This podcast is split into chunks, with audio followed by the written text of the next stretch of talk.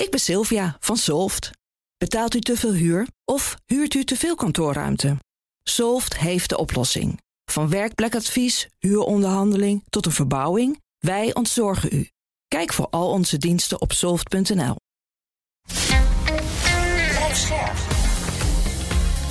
BNR Nieuwsradio. Boekenstein en de Wijk.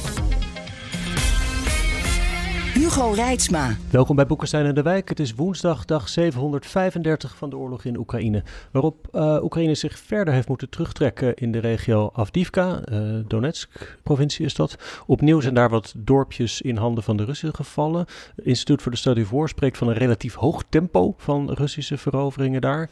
En Rusland heeft daar ook versterkingen aangevoerd. In Zaporizhia zou Oekraïne Russische aanvallen hebben afgeslagen. En vliegtuigen nog. Volgens mij eergisteren melden we dat in de afgelopen acht dagen of zo acht Russische vliegtuigen zijn neergehaald door Oekraïne. Uh, we zitten nu op dag 10 en 10 Russische vliegtuigen neergehaald door Oekraïne. Ja, nou ja, kijk, op de grond is wel uh, echt even de moeite van het volgen waard hoor. Want inderdaad, nou wat je net heeft gezegd, dat heeft het Instituut voor Study of War ook gezegd. Uh, ze houden een hoog tempo aan. wat je nu ziet is dat de Russen proberen te kapitaliseren op de winst die ze hebben geboekt door Avdivka in te pikken. het terrein daarvoor, daarachter is vlak. De, de fortificaties, de versperringen die Oekraïne heeft op geworpen, die zijn niet best. Um, ook in diezelfde studie van um, die Instituut Studio voor wordt ook uh, gezegd van ja, dat is um, volgens Oekraïnse waarnemers uh, op zijn minst zorgwekkend, problematisch, teleurstellend. Wat Oekraïne daar heeft gedaan is echt een strategische fout die ze hebben gemaakt door pas eind vorig jaar het besluit te nemen om die fortificaties te bouwen. Ze krijgen dus nu dubbel en dwars daar de rekening van betaald. ik heb ook gezien waar ze nu zitten. Uh, daar is een, um, een kleine nieuwe linie uh, is er uh, ingericht. Ik schat een nou pakweg 15, 20 kilometer vanaf Avdivka in ongeveer noordwestelijke richting. tussen de plaatsjes Tonenke en Bergici. Ik zal het ongetwijfeld verkeerd uitspreken, mm. maar zo schrijf, zo schrijf je het. Ehm, ja, dat is een, een linietje van, laten we zeggen, een kilometer of twintig, schat ik in. Uh, je kan het gewoon allemaal op de kaart uh, nazoeken. Um, en daar zitten ze dus achter. Ja, of dat nou voldoende is om die Russen tegen te houden, is de vraag. Uh, maar herinner je nog dat we een, nou, een week geleden hebben gezegd dat Rusland over vier assen aanvalt? Nou, mm -hmm. dat, dat, gaat, dat gebeurt nog steeds. dus ehm, bij Avdivka rukken ze verder op naar het noordwesten. Maar ook bij Bakhmut gebeurt er dan ook verder naar het, het noorden. In de richting van Liman. Dat ligt echt, uh, uh, laten we zeggen, in die uh, Luhansk oblast, behoorlijk ver naar het noorden van het oostelijke deel van het front. ja, kijk, wat daar gebeurt is natuurlijk even de vraag. En de vraag is ook, kunnen de Russen dit nou lang volhouden? Mm -hmm. Uh, dan hebben natuurlijk ook behoorlijke verliezen uh, geleden. Hè. Als je kijkt uh, wat voor een slagpartij dat is geworden bij ehm, Avdivka. Eh, daar is een enorme prijs voor betaald. Ja, de mannen eh, die daar zijn gesneuveld. Of anderszins compleet zijn uitgeschakeld. Die kunnen niet meer worden ingezet. En je ziet toch wel dat dat ook wel problematisch wordt hoor, voor de Russen. Maar goed, het terrein wordt nu anders. Dus doorbraken kunnen nu geforceerd worden. En uh, ja, nogmaals, uh, ja, Rusland probeert dus uh, het, het, het, succes dat ze hebben geboekt uit te buiten. Voordat de Oekraïners in staat zijn om hun fortificaties, hun defensieve linies echt op orde te krijgen. Dus wat je zegt is heel ernstig. Hè? Rusland heeft, de mobilisatie is geslaagder dan we aanvankelijk dachten. Ze hebben ja. überhaupt meer manschappen, ze hebben meer munitie. En Oekraïne heeft gewoon die fortificaties verderop niet goed gedaan. Ja. Dus het zou ook zomaar kunnen zijn, jongens, dat we gewoon meer doorbraken gaan meemaken. Nou, die kans is vrij groot dat dat gaat uh, gebeuren. Maar daar heb je dus ook heel veel troepen voor nodig. En dat hebben de Russen op dit ogenblik ook niet. Uh, dat wil niet zeggen dat ze dat niet zouden kunnen. Maar dan zou je eigenlijk verder moeten gaan mobiliseren. Maar dat is net zoals in, uh, in Oekraïne, Oekraïne is dat hoogst impopulair. Um, ja, we hebben ook nog niet gezien dat ze aan het schuiven zijn met aanzienlijke reserves. De hele organisatie trouwens is wel veranderd. dus het was eerlijk, eerder was het redelijk versplinterd. maar ze hebben nu ehm, eigenlijk het, dat, dat hele front hebben ze opgedeeld in, in drie onderdelen. met drie hoofdkwartieren. zodat die aanvallen veel meer georchestreerd kunnen worden ingezet. Nou, ik zal niet in de technische details daar, uh, daarvoor uh, uh, gaan bespreken, maar het, het, is wel zo ehm, dat men dus nu in staat is om, om, om per deel van het front een hoofdkwartier in te richten. En alles wat daaronder valt, alle strijdkrachten die, uh, die vechten aan het front, die worden nu aangestuurd vanuit dat hoofdkwartier. dat doe je bijvoorbeeld in het noorden, in het midden, in het zuiden, wordt dat op dit ogenblik uh, gedaan. En daardoor is die versplintering van die organisatie die je eerst had, die is nu min of meer uh, van de baan. En dat is geen goed nieuws voor Oekraïne, want dit betekent namelijk dat die krijgsmacht effectief kan worden ingezet van, van Rusland. Dus dat concert van die wapens, ter zee, ter land, de lucht, gaat nu beter. Alleen het is wel zo dat Oekraïne ook vliegtuigen neerhaalt, zoals Hugo steeds vertelt. Ja, dat klopt. En ze hebben natuurlijk nog steeds een behoorlijk succes geboekt in uh, de Zwarte Zee. Dat is ook een, uh, een groot succes. Uh, maar ja, voorlopig ziet het niet best uit. maar weet je, kijk, oorlogen gaan altijd op en neer. dus dit zegt niks over de toekomst. dus je, het is ook zeer afhankelijk van de wijze waarop Amerika bij zinnen komt en in, in staat is om te leveren. Maar op dit ogenblik wordt er bijvoorbeeld eh, gevochten aan bepaalde onderdelen van het, aan bepaalde delen van het front met een eh, 10 staat tot 1 overwicht aan de Russische zijde van artilleriestukken bijvoorbeeld. Nou, daar word je niet blij van. En Noord-Korea die stuurt 6700 containers naar Rusland. En daar zit vermoedelijk in of meer dan 3 miljoen 152 mm granaten, alsof je emmer leeg hoort. Hè? Of een half miljoen 122 mm. Dus dat maakt het allemaal nog eens beter, zou je kunnen zeggen. Hm. Laten we even door naar uh, Macron. Afgelopen maandag blikten we al vooruit op die bijeenkomst die hij had belegd in het Elysée-paleis met collega-regeringsleiders. Er zijn wel aardig wat dingen uitgekomen. Dus een akkoord over dat uh, Tsjechische voorstel voor uh, eh, 800.000 artilleriegranaten op korte termijn. Verschillende landen. Nederland heeft toen al laten weten daaraan te kunnen meebetalen. België zag ik vandaag dat, meen ik, 200 miljoen uittrekt. En Frankrijk heeft het bezwaar opgegeven om daar EU-geld voor aan te wenden. Er is ook een raketcoalitie opgelegd. Misschien kunnen jullie daar meer over vertellen. Maar alles viel natuurlijk in het niets bij het gekrakeel dat ontstond nadat Macron achteraf iets zei over de mogelijkheid van westerse troepen in Oekraïne. Ja, misschien even dat punt van uh, die raketcoalitie zoals jij me noemt. Dat is eigenlijk een coalitie, net zoals de F-16-coalitie, om ervoor te zorgen dat er uh, uh, middellange afstands- en lange afstandsraketten worden geleverd. Daar is een geweldig probleem. Dus een, bepaald deel van de, de munitievoorraad die moet door die coalitie worden, um, worden geleverd. Dus dat betekent dat er moet worden gewerkt aan industriële capaciteiten. Gaan ze maar door en dan kan op termijn dus zo'n ja, zo'n munitievoorraad op dat punt worden aangevuld. Ja. En even over dat punt van die die uitspraak van Macron tijdens de persconferentie. Hij sprak alleen maar over de mogelijkheid. Maar het leidde tot hele felle reacties. Hè? Duitsland, Polen, Italië, Tsjechië, Zweden, Hongarije. Die verklaarden zich allemaal tegen het idee dat er troepen zouden worden geleverd. Verenigde Staten volgens mij ook. Amerika ook. Uh, nou, dus we moeten even verklaren waarom Macron er überhaupt over begint. En mijn interpretatie is van, kijk, de Fransen denken in termen van macht.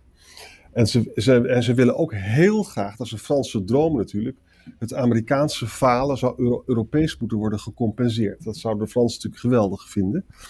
Uh, en nu willen ze dus strategische ambiguïteit laten ontstaan, dat er heel misschien hè, in bepaalde situaties troepen zouden komen. En dat zou dan afschrikkend kunnen werken naar uh, Poetin toe. Nou, dat is niet zoals die andere landen daarover denken. En je ziet zelfs ook dat het de zaak helemaal. Uh, ja, dat mensen heel erg verzuurd raken. Want iemand als Scholz bijvoorbeeld, die zegt gewoon keihard van... jongen, houd toch op hierover en stuur gewoon wat meer wapens. Hè? Mm. En wijst erop dat Duitsland natuurlijk veel meer, miljarden meer levert dan uh, de Fransen. Ja. De, de Scholz en Macron zijn geen vrienden. Zijn geen vrienden. Kijk, de bedoeling van deze bijeenkomst was, zoals ik heb begrepen... om meneer naar het lange termijn beleid te kijken. Ook in opmaat naar de NAVO-top van, ehm, van deze zomer, die in Washington wordt gehouden. Ehm, en ja, als je naar de toekomst kijkt, dan zijn echt alle opties open. Maar daar durft eigenlijk niemand over te praten, want er moet er worden nagedacht over veiligheidsgaranties die, zouden kunnen die, zou, die nodig zouden kunnen zijn op het moment dat de gevechten staken, dan wel er een formeel staakt het vuur is. Wat ga je dan doen? Nou, een van de ideeën waarover wordt nagedacht is als dat gaat gebeuren, om dan de afschrikking in Oekraïne ten opzichte van Rusland te herstellen en troepen te sturen van NAVO-landen Oekraïne in. Uh, dus niet op de vechten, maar als mhm. een afschrikking uh, voor, uh, voor, voor, Rusland. Ehm, ik heb gezien dat daar af en toe wel eens over wordt nagedacht. er zijn ook hier en daar wat concretere ideeën voor om daar de Multinational Expeditionary Force voor te gebruiken. Dat is een, een Brits initiatief. Dat je eigenlijk moet zien in het kader, maar misschien kunnen we daar straks ook al even over praten. de toetreding van Finland en Zweden. Eh, die eh, landen waren geen eh, lid van de NAVO, nu wel.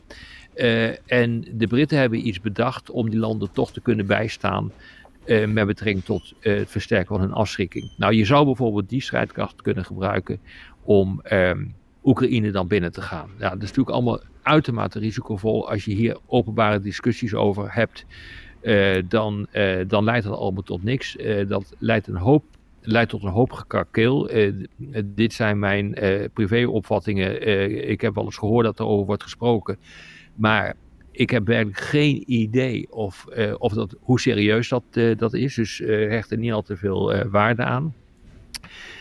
maar het zou me niet verbazen als, zeker gezien het feit dat deze bijeenkomst toch ging over de toekomst, Macron het hierover had.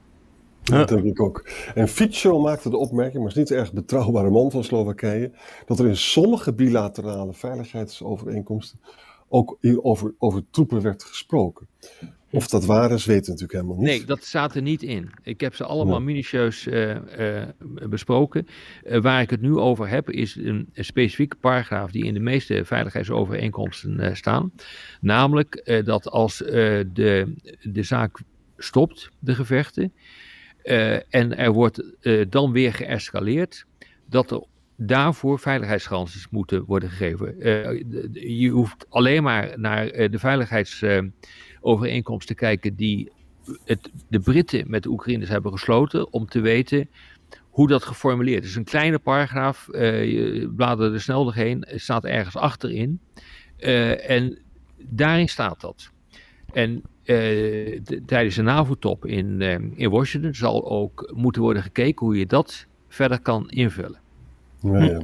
Overigens schreef uh, Le Monde op basis van een Franse regeringsbron mm. dat het helemaal niet zou gaan om gevechtstroepen, maar bijvoorbeeld om mijnenruimen of medische hulp. Dat is natuurlijk een andere kwestie. En dat zou vooral dus van, van landen in het oosten van Europa komen die daar een beetje over na willen denken. En, en, overigens is het klimaat wel echt verzuurd hoor. Want Scholz zegt bijvoorbeeld vandaag, die moet natuurlijk verdedigen waarom hij geen Taurus-raketten stuurt. Hè? En dan heeft hij het argument van ja, die Taurus-raketten kan je eigenlijk alleen maar bedienen als er ook Duitse soldaten en specialisten meegaan. Hè? En nu zegt hij dus van ja, eh, luister eens, uh, waarschijnlijk zitten er wel Britse en Franse soldaten bij, uh, bij die scalps en, en bij die shadows, storm shadows. Mm -hmm. en nou, dan wordt dan vervolgens door het Britse ministerie van Defensie wordt dat dus allemaal ontkend. Hè. De, Kiev gebruikt die, kern, die, die cruise missiles, is, is their business, hoe ze ermee omgaan. En Sunak heeft vanmiddag wel toegegeven dat er een klein aantal Britten in Oekraïne zijn ter ondersteuning van het Oekraïense leger, plus uh, medicinale eh, training.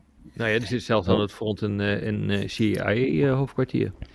Die, ja. dus, uh, die dus helemaal is ingegraven en die de Oekraïners helpt met ehm, het bij elkaar schapen van inlichtingen, zodat ze ook een doelwitten kunnen, kunnen aan, aanwijzen. En dat zit er al een hele tijd. Hè. Dat zijn, dit is ook het voortvloeisel uh, van uh, de, de annexatie van de Krim, toen de Britten en de Amerikanen hebben besloten om het Oekraïnse leger te gaan, uh, te gaan oefenen. Ja. Dus misschien is er niet zo heel veel aan de hand als het uh, nee. lijkt met die bijeenkomst. Ja, ik denk, zou het ook misschien een verklaring kunnen zijn dat Macron zich nu graag wat stoer voordoet, net zoals hij zich eerder in het conflict graag voordeed als de onderhandelaar met Poetin. Dus dat hij zich graag gewoon ietsje belangrijker maakt dan hij ik daadwerkelijk is. Ik weet het niet. Ik, het, het, er zijn ook vrij snel conclusies getrokken. Hij heeft het vrij voorzichtig gezegd, uh, moet ik uh, zeggen. Kijk, wat veel interessanter is, en daar past dit wel weer in. Uh, is dat hij ook heeft gezegd, en dat is denk ik ook een van de conclusies geweest van die uh, bijeenkomst afgelopen maandag, dat er vijf sleutelgebieden zijn waar echt op gefocust moet worden. Dat is cyber, dat zijn, dat zijn precisiewapens, nou daar hebben we het net over gehad, want dat heeft geleid tot die, die coalitie en munitie. Dan moet de defensie van landen die aan Rusland grenzen, die moet worden versterkt. daaronder valt ook Moldova. Uh, er moet een, uh, um, een, grotere bescherming komen van Oekraïne bij de grens van Belarus. En ontmijning. Uh, dat zijn een aantal van de prioriteiten die hm. voor de langere termijn zijn afgesproken, vol, volgens mij. Ja. En wat hij volgens mij ook iets stelliger zei dan, dan ik het eerder uit officiële mond had gehoord, is dat eigenlijk de overeenstemming is dat Rusland van plan is om over een paar jaar, wanneer ze daartoe de kans hebben, meer landen aan te vallen. Dat dat echt de gedachte is, dat ze dat willen doen. Ja, nou ja, dat, dat, dat weet je natuurlijk niet, want je kan niet in de kop van, uh, van Poetin kijken. En bovendien kan het best zijn dat hij dan niet meer leeft. Om wat voor reden dan ook. Hm. Uh, nee, kijk waar het om gaat uh, bij defensieplanning is, en dat heet contingency planning, je houdt je dus echt bezig met allerlei onvoorziene situaties. En dit is er één van. Hier moet je dus wel op plannen. Uh, en dan wordt er al vrij snel gedacht van, dus gaat je het doen. Nou, dat hoeft dus helemaal niet. Maar defensieplanning gaat uit van het, uh, van het onvoorstelbare en het nu nog niet uh, ja, zeker een scenario dat hij dat daadwerkelijk gaat doen. Maar goed, ik bedoel, hier raak je ook uh, de hele discussie over uh, de, de uitbreiding van de NAVO. Hè? Ik bedoel, we hebben er nog niet eens over gesproken, maar ja. Zweden is lid geworden. Ja, dat nou, hebben we helemaal overgeslagen ja, maandag. Ja. ja. maar het is toch wel even belangrijk om, als ik mag, om daar iets over te zeggen, want dit verandert de situatie totaal. dus deze week heeft Poetin, en daarom kunnen we het er nu ook heel goed over hebben, twee decreten getekend. Eén decreet voor de oprichting van een militair district Leningrad. Dat moet zich mhm. gaan uh, richten op de verdediging van, laten we zeggen, Scandinavië. Dus van, uh, de, vanaf de Baltische Staten tot het hoge noorden, tot aan de, over de Poolcirkel heen. En hij heeft een uh, ander decreet getekend om te komen tot het militair district Moskou. En dan wordt, nou goed, ik bedoel dat allemaal gedetailleerd in elkaar zit, want die districten bestonden al, maar die worden nu vergroot en veranderd. Um, maar dat richt zich op, laten we zeggen, Polen. Ehm, dus Poetin moet dus een hele uh, defensie moet hij anders uh, uh, organiseren. omdat de, ehm, nu eigenlijk het één groot militair theater is van, laten we zeggen, de Baltische Staten, helemaal naar het noorden. In de richting van, van, richting van de Poolcirkel en verder. Um, moet hij dus nu ook nadenken over hoe ga ik me daar tegen verdedigen. Want die man die denkt dus dat wij willen aanvallen. Dus mhm. hij moet uh, wapens kopen, hij moet zich uh, daarop uh, prepareren. Maar wat hij ook moet doen, is omdat hij um, die noordelijke route, die noordelijke passage, dus langs Rusland steeds ijsvrijer wordt, die moet hij ook helemaal beschermen. Mm -hmm. En dat betekent eigenlijk gewoon dat hij ongelooflijk moet gaan investeren. Wil hij al dit soort dingen doen um, in zijn defensie. En de grote vraag is zo langzamerhand of hij zich dat kan permitteren. Want realiseer je dat, de, dat de, het, het verschil uh, tussen, laten we zeggen, de bevolkingsomvang van de NAVO, maar ook het, de economieën van de NAVO-landen is giga. dus hij kan, Oekraïne kan die nog wel hebben, maar als je het afzet in termen van economie, grootte van de economie en omvang van de bevolking met Rusland, dan stelt Rusland gewoon helemaal niks voor. En daar zit echt een enorm probleem voor hem in. En als je dus toekomstscenario's maakt van wat hij zou kunnen doen, eh, dan is dat op zich, hij heeft wel een grote krijgsmacht, maar ja, de vraag is of hij echt de middelen daarvoor heeft om echt iets uit te richten. Want het land is gewoon te klein om zo'n gigantische krijgsmacht overeind te houden. En hij moet het helemaal reconstrueren uh, de komende jaren. Nou, dat wordt wel heel erg lastig. En ik krijg het gevoel dat niet die sancties uh, Rusland op de knieën kunnen krijgen. Maar het feit dat wij gaan bewapenen. dat zal leiden tot een actie-reactie. En dat kan die op een gegeven moment niet betalen. En dat is ook een van de redenen waarom de Sovjet-Unie destijds ten onder gegaan is. Ja. Je zou zelfs kunnen zeggen van Rusland is heel succesvol overgeschakeld naar die oorlogsindustrie. Hè? Maar als je dat goed bestudeert, dat betekent niet dat ze nou zo verschrikkelijk efficiënt zijn. Uiteindelijk is het kapitalisme op dat gebied toch op de langere termijn efficiënter dan wat zij op de mat kunnen ja, leggen. Maar het is natuurlijk gewoon een klein land. Ik bedoel, eh, de Russische economie is iets groter dan, nou nee, iets kleiner dan de Benelux. uh, jongens, ja, dat, dat, zijn, dat, zijn geen, dat zijn geen bedragen. 1800 miljard euro is die, die omvang, iets in die geest. De NAVO-landen zelf, die zijn goed voor 35 biljoen euro. Mm -hmm. Ja, ik bedoel, dat is echt andere koek hoor. En dan praat je over 140 miljoen inwoners van Rusland in een vergrijzende bevolking. De NAVO heeft er 950 miljoen. Dus het potentieel van de NAVO is giga groot. Zeker als wij dus gaan. Uh, uh, als wij onze defensie op orde gaan krijgen, dan is het buitengewoon onverstandig om iets uit te richten tegen de NAVO. Ja. Ja. Misschien op het terrein van economie nog even te noemen dat de gasprijs in Europa terug is naar het laagste niveau in bijna drie jaar tijd. Dus sinds voor de Russische invasie van, van Oekraïne. Ja. Dat is wel ongelooflijk goed nieuws voor Europa. Ja, ja. zachte winter en LNG-voorraden zijn, zijn dus groot. Hè? Nou, het is op zich is het duurder, LNG, dus vloeibaar gas. Maar realiseer je, de besparingen zijn ook giga. Ja. Ja. Gewoon, eh, je blijkt dus gewoon, dat merk ik aan mijn eigen rekening, je blijkt gewoon 20% te kunnen bezwaren als je een beetje handig bent. Ja, nou ja, volgens mij is het verbruik ook lager doordat bijvoorbeeld kunstmestproducenten en aluminiumsmelters niet meer functioneren. Exact. Dus dat is dan een minder positieve dat is ook zo. verklaring. Ja, ja. ja klopt. Hey, en misschien nog eventjes tot slot, dan moeten we door naar het Midden-Oosten, te noemen dat het lichaam van Navalny is overgedragen aan zijn familie hè, en dat vrijdag de begrafenis is in Moskou. Vind ik wel opmerkelijk hoor, Arend Jan. Ja, wat ik erover las is, ze geven er wel een bepaald publiek karakter aan. Maar ja, Julia Naval is natuurlijk vreselijk bang dat er ook weer mensen opgepakt kunnen worden tijdens die begrafenis. Je moet er toch niet aan denken. En het wordt aan alle kanten wordt het dus contained, hè, ingedampt. Hmm. En uh, het zal niet prettig worden vrijdag, denk ik. Sowieso niet. Nou ja, ik vind het wel bijzonder, want er is natuurlijk een uh, hoop gedoe over geweest. Uh, want hij willen, ze willen er natuurlijk gewoon geen publiek evenement van maken. Ja. Uh, ik, ik, blijf het uitermate merkwaardig vinden wat hier aan de hand is. Maar ik begrijp ook dat ze niet anders kunnen dan dit toestaan. Hm. Hm. Uh, want anders, ja, het is, voor Poetin is het uh, kiezen tussen twee kwaden. Als ja. hij het niet doet en als hij hem ergens begraaft anoniem in Siberië, dan heeft hij ook een probleem. En nu ook. Ja. Maar ik denk dat het internationale probleem groter is wanneer hij hem anoniem begraaft. Of misschien ook dat niet anoniem, maar begraaft in, eh, ergens in Siberië. Dan dat hij dit toestaat. Exact. We moeten het morgen in de podcast over Transnistrië hebben, want er gebeurt ja. ook van alles. Ja, laten we dat doen. Uh, maar nu even de blik wenden naar het Midden-Oosten. Arjan. Ja. Nou ja, wat, uh, dat gebeurt er allemaal heel veel. Hè? Nog steeds al die berichten dus dat Qatar zegt het vandaag, dat er dus ja, deliberate starvation, dus uithongering door Israël plaatsvindt. In Rafah is er een opstand aan de gang, uh, door de prijzen van de voedsel zijn enorm hoog en de schaarste natuurlijk. Hè? Dus dat soort berichten zijn er. En verder op de grond, IDF zegt dat ze dus acht ter, terroristen targets hebben geraakt in de Gazastrook. En, dat, en daar vandaan kwamen raketten op de Israëlische stad Askelon. Dat betekent dus dat er wel degelijk nog uh, Hamas-jongens zitten. En een, wat je hier ook kan verbinden, in het noorden heeft het RDF gisteren gezegd, ja, we hebben Hamas verslagen in het noorden.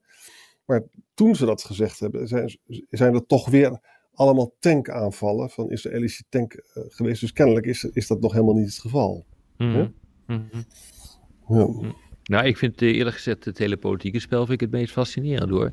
Kijk, op, uh, op militair gebied, nou ja, weet je, uh, die aanvallen gaan door.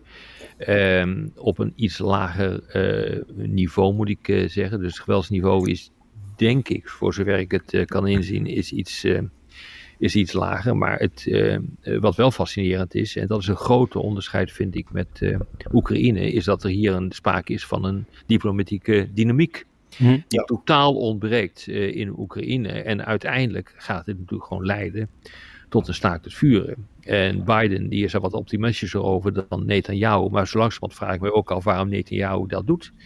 Um, die uh, roept iedere keer van ja, oké, dan komt er misschien een akkoord, maar uh, uiteindelijk pakken we Rafah toch. En uh, Hamas zal ook in het zuiden worden uitgeschakeld.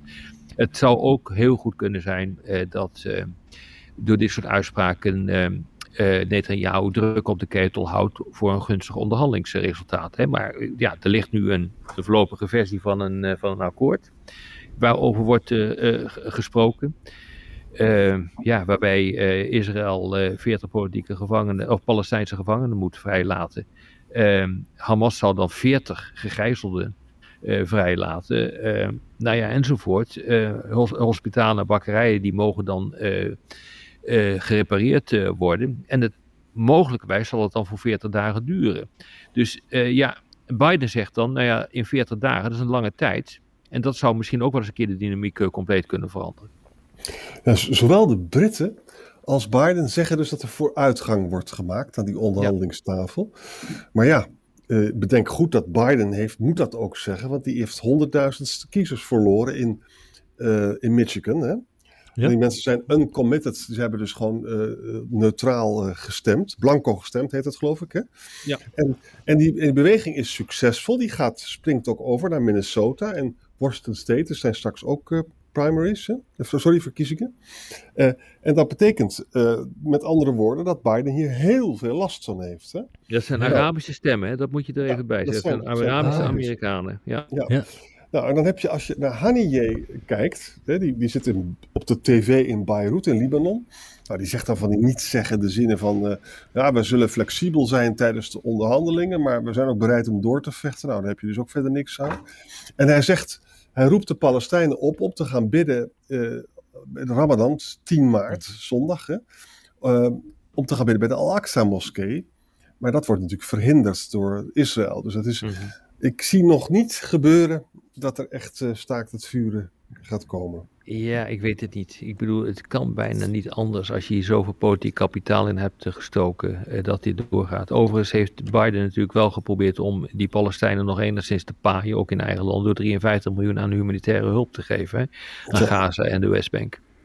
Ja, ja, ja, ja. En dan moeten we misschien nog even over de Houthis praten. Die ontkennen dat er onderwaterkabels, dat zij onderwaterkabels hebben doorgeknipt. Dat was, dat was de laatste dagen werd er over geschreven. Hè? Uh, en er is dat schip, weet je wel, dat, uh, de, hoe heet het, de, de, schip ook alweer, de, de Roem, uh, Roembi, of help eens eventjes, dat schip dat Geen heet... idee, dat was ja, de, Ruby, de Ruby Mar, onder, Be onder Belize vlag en, okay. en Brits eigen, eigenaarschap. Nou, dat is geraakt door twee raketten. En daar lekt dus nu olie uit en ook kunstmest, je weet hoe giftig dat is. Hm. Hm. Dus dat is, ja, er ontstaat natuurlijk gewoon een natuurramp op die manier. Mm -hmm. ja. Nou, zullen we er even een eindje aan breien? Lijkt me Ik denk, goed. ja, lijkt Ja. me goed. Ja. Tot morgen. Tot morgen. Ik ben Sylvia van Solft. Betaalt u te veel huur of huurt u te veel kantoorruimte? Solft heeft de oplossing. Van werkplekadvies, huuronderhandeling tot een verbouwing, wij ontzorgen u. Kijk voor al onze diensten op soft.nl.